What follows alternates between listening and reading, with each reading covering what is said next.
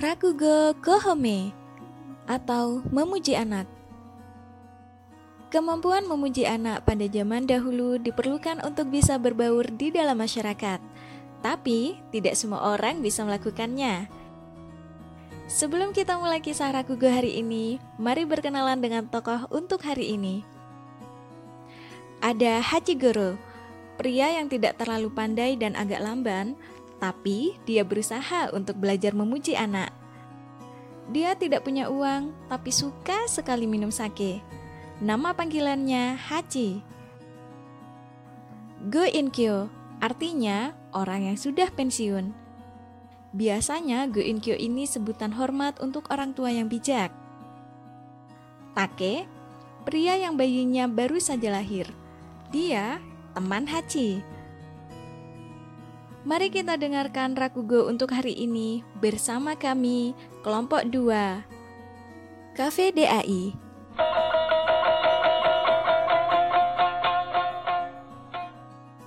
Halo, Go Inkyo sama. Ada apa, Haji? Saya dengar Anda memiliki sake. Jadi, saya boleh dong meminta sake gratis dari Anda. Apa? Iya, saya memang punya sake, tapi masa saya harus kasih gratis ke kamu? Hmm, Go Inkyo, saya tidak paham. Tapi Tuan punya sake kan? Iya, betul. Jadi, itu artinya saya bisa dapat sake gratis. Tentu tidak. Ayolah Go Inkyo sama, jangan pelit begitu. Saya minta ya sakenya gratis ya. Haji, tidak ada yang gratis di dunia ini. Coba kamu lakukan sesuatu untukku kalau kamu mau sakit gratis. Sesuatu apa? Gimana kalau kamu joget? Joget? Boro-boro, jalan saja masih suka belok-belok. Kalau nyanyi gimana? Bisa? Nyanyi? Saya tidak punya pita suara. Hah? Gimana bisa bicara kamu kalau tidak punya pita suara? Hmm, Oke, bagaimana kalau main gitar? Saya tidak bisa main gitar. Perlu dua otak itu untuk main gitar. Satu untuk tangan kiri, satu tangan kanan. Saya cuma punya satu otak. Bagaimana kalau berhitung? 5 ditambah 5 berapa hasilnya? Go Inkyo, Anda pikir saya bodoh? Itu kan 10. Wah, baguslah kalau begitu. Kamu bisa berhitung ya? Jadi, saya suka minum sake. Di sana harganya 5 yen untuk satu cangkir. Kalau saya tambah satu cangkir lagi, jadi 10 yen. saya pintar kan? Kalau 5 dikali 0 berapa jawabannya? Itu berarti kalau saya tidak pesan sake, tapi itu tidak mungkin. Saya selalu pesan sake. Jadi jawabannya tidak. Hah? Jadi kamu ini tidak bisa apa-apa ya? Hehehe, iya, begitulah Go Inkyo. Kok bisa ya ada orang seperti kamu tidak punya kemampuan apa-apa? Hmm, dengar ya Haji, kalau tidak punya bakat apa-apa, setidaknya kamu coba belajar memuji orang lain. Apa itu? Itu berarti kamu mengangkat orang itu. Waduh, angkat? Tangan saya pasti tidak kuat. Bukan pakai tangan, dengan mulut. Ya ampun, masa pakai mulut? Apa saya harus angkat dia dan menggigitnya? Aduh, kenapa kamu ini bodoh sekali, Haji? Bagaimana supaya kamu ngerti ya? Hmm, begini contohnya. Kamu sedang jalan-jalan dengan temanmu ya. Terus Tiba-tiba kamu bertemu dengan pemilik kontrakan rumah kamu. Nah, kamu kenalkan pemilik kontrakan itu ke teman kamu, lalu kamu bilang begini. Ini pemilik kontrakan yang sangat baik, bijaksana, dan dermawan. Apa? Dermawan? Bohong itu. Itu kan contoh saja, Haji. Kalau kamu bilang dia sangat baik, bijaksana, dan dermawan, apa kira-kira yang dirasakan pemilik kontrakan kamu itu? Sepertinya dia akan suka ya. Betul, dia akan menyukaimu. Lalu kalau dia punya sake, dia akan lakukan apa dengan sake itu? Hmm, maksudnya dia akan kasih sake gratis ke saya. Bisa jadi begitu. Mana mungkin pemilik kontrakan saya tidak pernah memberikan apa pun dengan gratis. Karena aku bilang itu cuma contoh. Oke, ada contoh lain.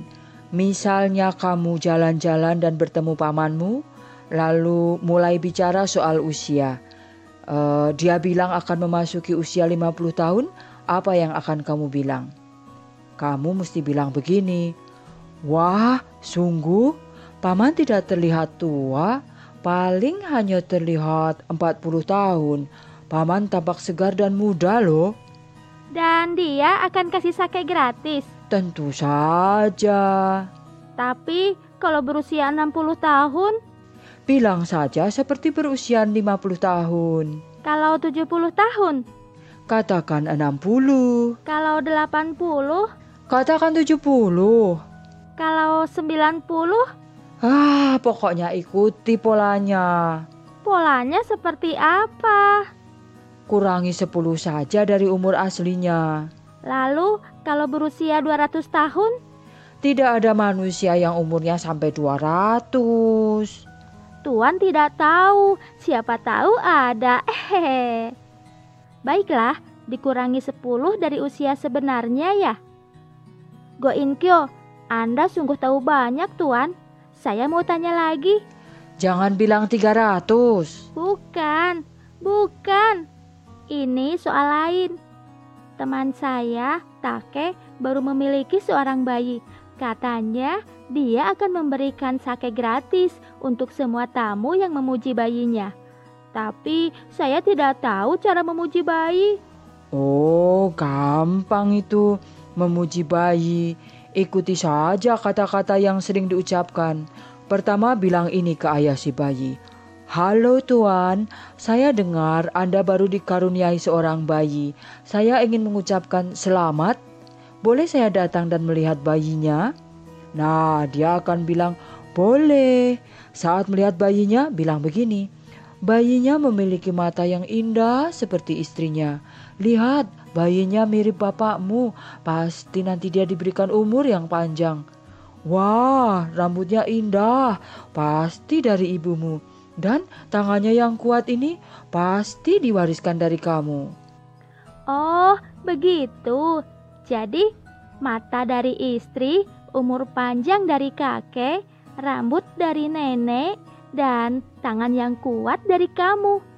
Terima kasih Go Inkyo sama. Sekarang saya jadi mengerti teori memuji. Haji pun langsung pergi ke rumah temannya, Take. Halo, Take, apa kamu di rumah? Oh, Haji, kau juga datang untuk melihat bayiku. Ayo masuk dan lihat dia. Anak bayiku laki-laki dan dia sangat gemoy. Halo Tuan, saya dengar anda baru dikaruniai seorang bayi. Saya ingin mengucapkan selamat. Boleh saya datang dan melihat bayinya? Astaga, kok kamu manggil aku tuan? Ayo masuk. Tadi kan aku sudah suruh kamu masuk dan lihat bayiku. Baiklah, di mana bayinya? Itu, dia lagi tidur di sana. Ya ampun, bayinya besar. Besar kan? Bidan bilang, bayi yang besar adalah bayi yang paling sehat mudah tumbuh besar dan kuat. Tapi ini agak terlalu besar kan? Ngomong-ngomong, kok dia mirip sama bapakmu? Lihat, keriputnya pasti diwarisi dari bapakmu. Eh, itu yang kamu tunjuk memang bapakku yang sedang tidur siang. Kamu nggak bisa bedain bayi dan pria tua. Ya juga ya. Untung itu bukan bayi kamu. Dia tampak terlalu tua untuk jadi bayi. Kamu bodoh ya. Ini bayinya.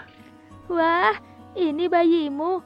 Mungil ya, kayak boneka. Boneka? Benar sekali. Dia menggemaskan kayak boneka.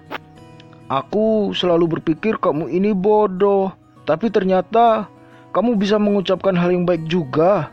Tentu. Oke, sekarang aku mau memuji bayimu. Kamu mau memberi pujian? Bagus. Silakan. Baiklah, begini. Matanya sangat indah. Betul, matanya memang indah. Pasti diturunkan dari pemilik kontrakanku yang sangat baik. Loh, kenapa diturunkan dari pemilik kontrakan kamu? Iya, pemilik kontrakanku sangat baik, bijaksana, dan dermawan. Eh, siapa yang peduli dengan pemilik kontrakan kamu? Kamu mau bilang ada sesuatu antara istriku dan pemilik kontrakanmu? Apa istriku selingkuh? Ah, diam saja dan dengar. Aku lagi memuji bayimu nih. Dia ini punya rambut yang indah. Tentu, dia sudah punya rambut dan rambut ikalnya lucu sekali. Pasti diwarisi dari bapakmu. Eh, kamu bercanda? Bapakku itu gundul. Oh, dia mirip ibumu. Jadi, dia mirip ibuku. Aku juga berpikir begitu. Dia pasti diberikan umur yang panjang. Hmm, ibuku meninggal saat dia berusia 30 tahun. Sudah, sudah. Aku tidak tahan lagi. Tutup mulutmu. Kalau tidak, akan kupotong lidahmu. Kenapa kamu marah? Aku kan cuma memuji dengan mengikuti kata-kata yang sering diucapkan. Kenapa kamu jadi kesal? Memuji apanya? Kau itu mengejek tahu. Baiklah, aku akan coba pujian yang lain. Harusnya ini pujian yang bagus dan paling dasar. Terserahlah. Em, berapa usia bayimu? Apa? Kamu bodoh. Dia kan baru lahir. Masih nol tahun. Nol tahun? Kamu memanggilku bodoh. Tapi aku kasih tahu satu hal ya. Kamu yang bodoh. Nol tahun. Siapa yang bisa mengurangi 10 tahun dari 0 tahun? Bilang saja bayinya 10 tahun. Jadi, aku akan puji kalau bayi kamu itu kelihatan lebih muda.